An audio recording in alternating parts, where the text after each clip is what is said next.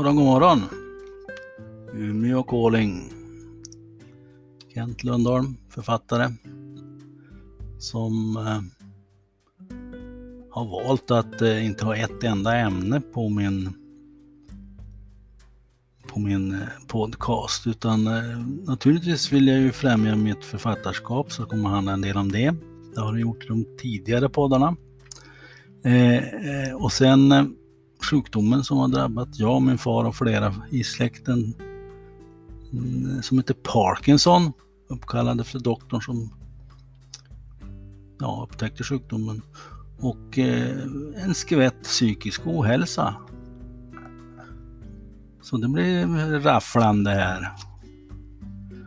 Eh, som sagt.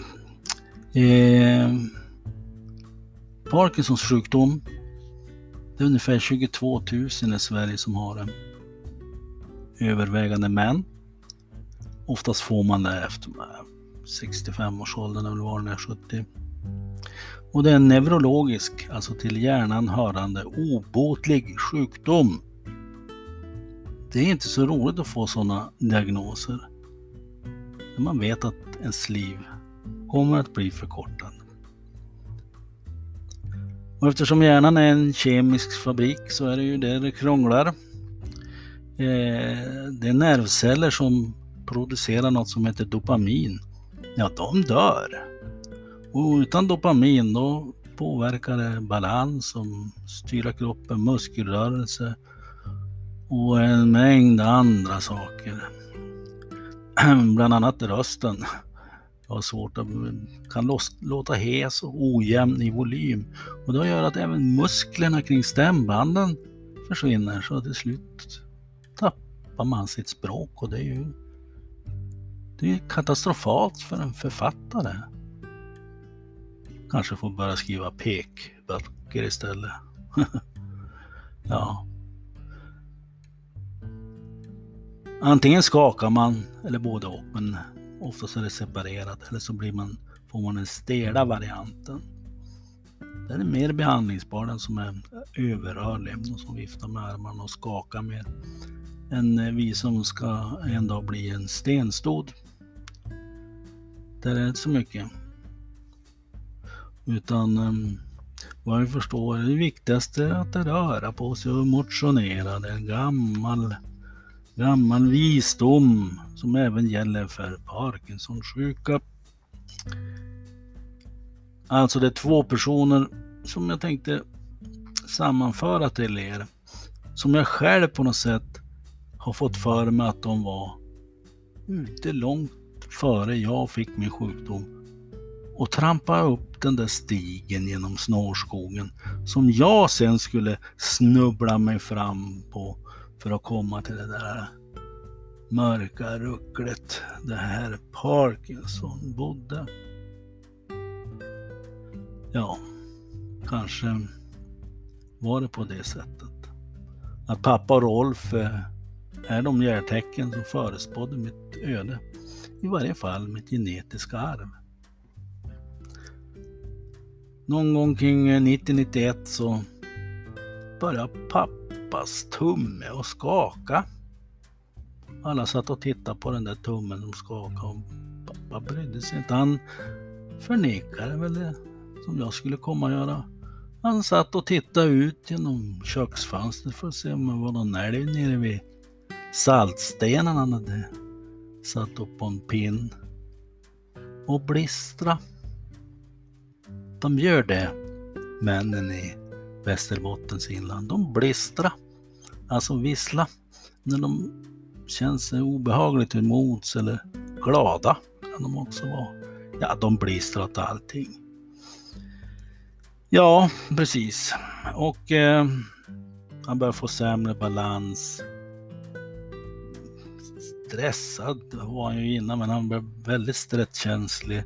Så till slut så fick jag honom då egenskap av eh, före detta sjuksköterska att eh, få honom till en doktor och han fick remiss till neurologen och där konstaterades efter fotografering av huvudet, ska hjärnan, att han hade Parkinsons sjukdom.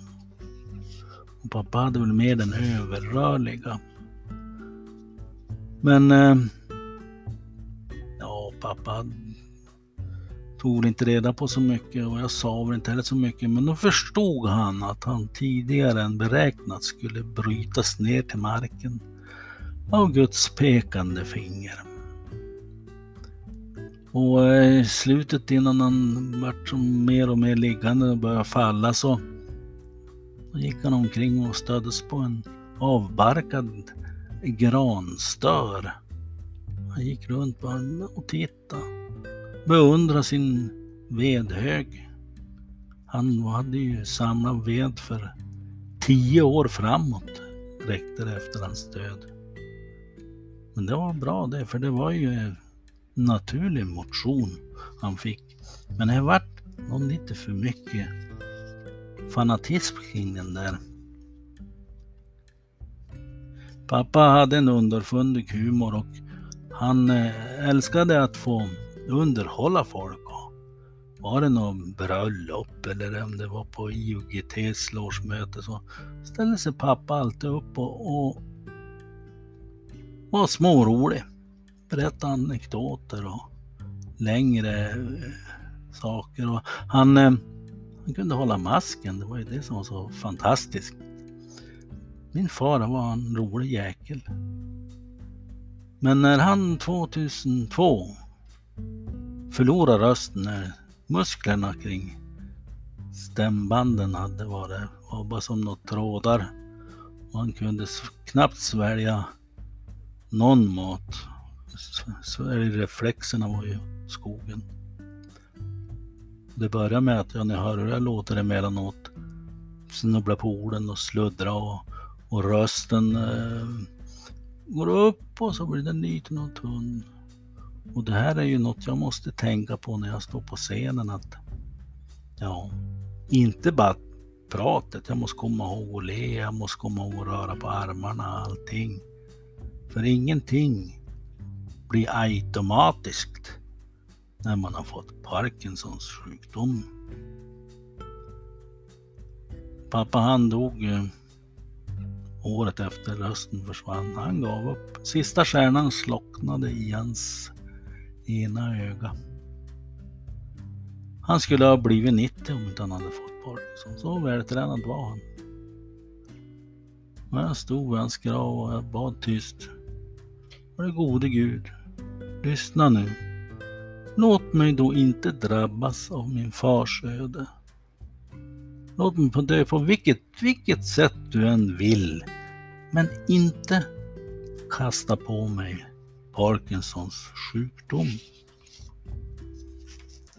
Den andra stigfinnaren han hette Rolf. Men det var märkligt nog tids... Vid ungefär samma tid som pappa kämpade med sin Parkinson, men det var några år senare, här var 94 och vi hade nyflyttat till Tomtebo i Umeå. Det var ett litet radhus vi hade i vår ägo. Och där stod vi på något, jag minns jag tror det var ett årsmöte, jag och Kjell och pratade om eh, den kommande schackturneringen som skulle hållas i Storsandsjön utanför Vindeln tror jag. Och eh, eh, ja, och en gubbe som hade hört det där kom närmare och jag såg hur han skakade. Och hur han släpade fötterna och stenansiktet. Jag visste ju direkt en, en Parkinson-gubbe. Ja, han sa, jag heter Rolf och jag, jag tycker det är så himla roligt att spela schack. Eh, skulle jag kunna få, få vara med på den där turneringen ni pratade om? Ja, visst får du väl det. Vi sa det inte högt men vi var väl jublande glada över att eh, ha fått en slag på sig i sällskapet. Det skulle ju bli några lätta poäng. Samma kväll så var vi uppe och spelade de första partierna med honom. Herregud vad stryk vi fick. Han eh, hade ju dessutom tagit SM-brons i schack. Honom hade vi valt in till kommande turnering. Han, eh, hans goda humör höll uppe honom. Men han hade fruktansvärda smärtor emellanåt. Och han försökte le men Du vet, att le med ett Parkinson-ansikte, det är inte lätt. Hålla mörkt öppet samtidigt han ena, ena mungipan fastnar en bit upp på kinden och samtidigt som det rann en tår ur det motsatta ögat. Så jävligt ont. Det känner inte så många till att Parkinson är en smärtsjukdom också inte nog med att man blir förstoppad och måste pinka ett parti och minut. Och att man till slut får ben som påminner om piprensare när varenda muskel har förtvinat. När vi kom fram till Storsandsjön, ja då hade han glömt sin Parkinson-medicin. Det var ju lyckat det. Så doktor Johansson han fick fara och hämta några piller på i Vindeln då på sjukhusstugan. Tre timmar senare när Rolf hade vunnit allting då sa doktor Johansson som var lite rund under fötterna. Ge fan och hämta ut någon Parkinson-medicin åt den där gubben. Jag tror han hade vunnit ändå, så dåligt som vi var. Ja, lidandet och sen då, det, på morgonen när jag klev upp vid åtta snåret såg det ut vi hade ont i huvudet allihop. Eh, då satt Rolf på toalettstolen. Jag såg ju benen som var ju alldeles blå av trycket. Vad har hänt Rolf? Han hade fått en, som man kallar en frysning, en on-off effekt av medicineringen. Man fryser fast i en viss position och så blir man sittande. Han hade suttit där som sagt i fem timmar. Men varför ropade du inte? Jag slogs ju på rösten också, sa han klent. Ingen hörde mig. Herregud. Och då sa han till mig där inne på toaletten. Du Kent. Jag måste få säga dig. Fy tusan vad jag hatar Parkinson. Vi förlorade kontakten. Jag hade slutat som kulturredaktör. Jag skulle skriva en roman och det vart det. Fick jobb hos landshövdingen och skulle göra film. Och vid 2004 fick jag mina första diagnoser som skulle då leda till utmärkelsen Övre Norrlands sjukaste författare. Vilken jävla stressframkallad diabetes. Hon skickade mig på sånt här bantningshem för jag hade gått upp och blivit så jävla fet av allt stillasittande så att gick ner 15 kilo på tre veckor och blev mycket bättre. Men en diabetes är en diabetes. Det skulle leda till en annan förskräcklig sjukdom längre fram också. Eh, jag fick även veta att jag var bipolär. Och det var också någonting jag hade anat. Mitt svängande humör. Glad, ledsen, tvärilsk, impulsiv, säga saker innan man tänker efter. Köpa en eh, enkel biljett till Kina till exempel. Ja, tre dagar senare så var jag på Himmelska fridens torg. Men nu var det detta om Parkinson. Det där kommer längre fram. Om Parkinson. Jag tappade på Jag visste inte vart Rolf var. Jag försökte hitta på nätet men hans namn. Ja, han är väl död tänkte jag. Men man brukar ju alltid få upp någon på någon dödsruna eller någonting. Men 2004 slutade jag på Länsstyrelsen och började lite, tog några extra pass som sjuksköterska och hamnade på ett sjukhem.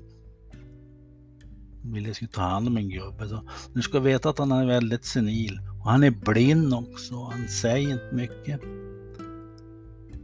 Och där låg lillsparven. Man kunde som ta upp han så liten och hålla han i handflatorna. En Rolf. Han som var blind och senil. Jag struntade och ändå så sa jag Rolf, det är Kent, känner du igen mig? Han vred huvudet och så försökte han le. Det bara var en darrning på underläppen. Alltså Henken, är du lika dålig i schack fortfarande? ja, vad skulle jag svara? Jag tog upp gubben och det fanns ett schackbräde på avdelningen. Och jag kallade till mig personalen, nu ska ni få se på något märkligt. Rolf som är blind kommer att utmana vem som helst av er. Jag, eh, han, han ger bara instruktioner och jag flyttar pjäserna åt honom. Är det någon som vill provspela mot den här gubben? Det var några yngre män som var karut och sa att jodå, jag har spelat schack många gånger. Sju, åtta gånger. Farsgubben. Ja, det tog ju bara 28 drag så hade Rolf vunnit.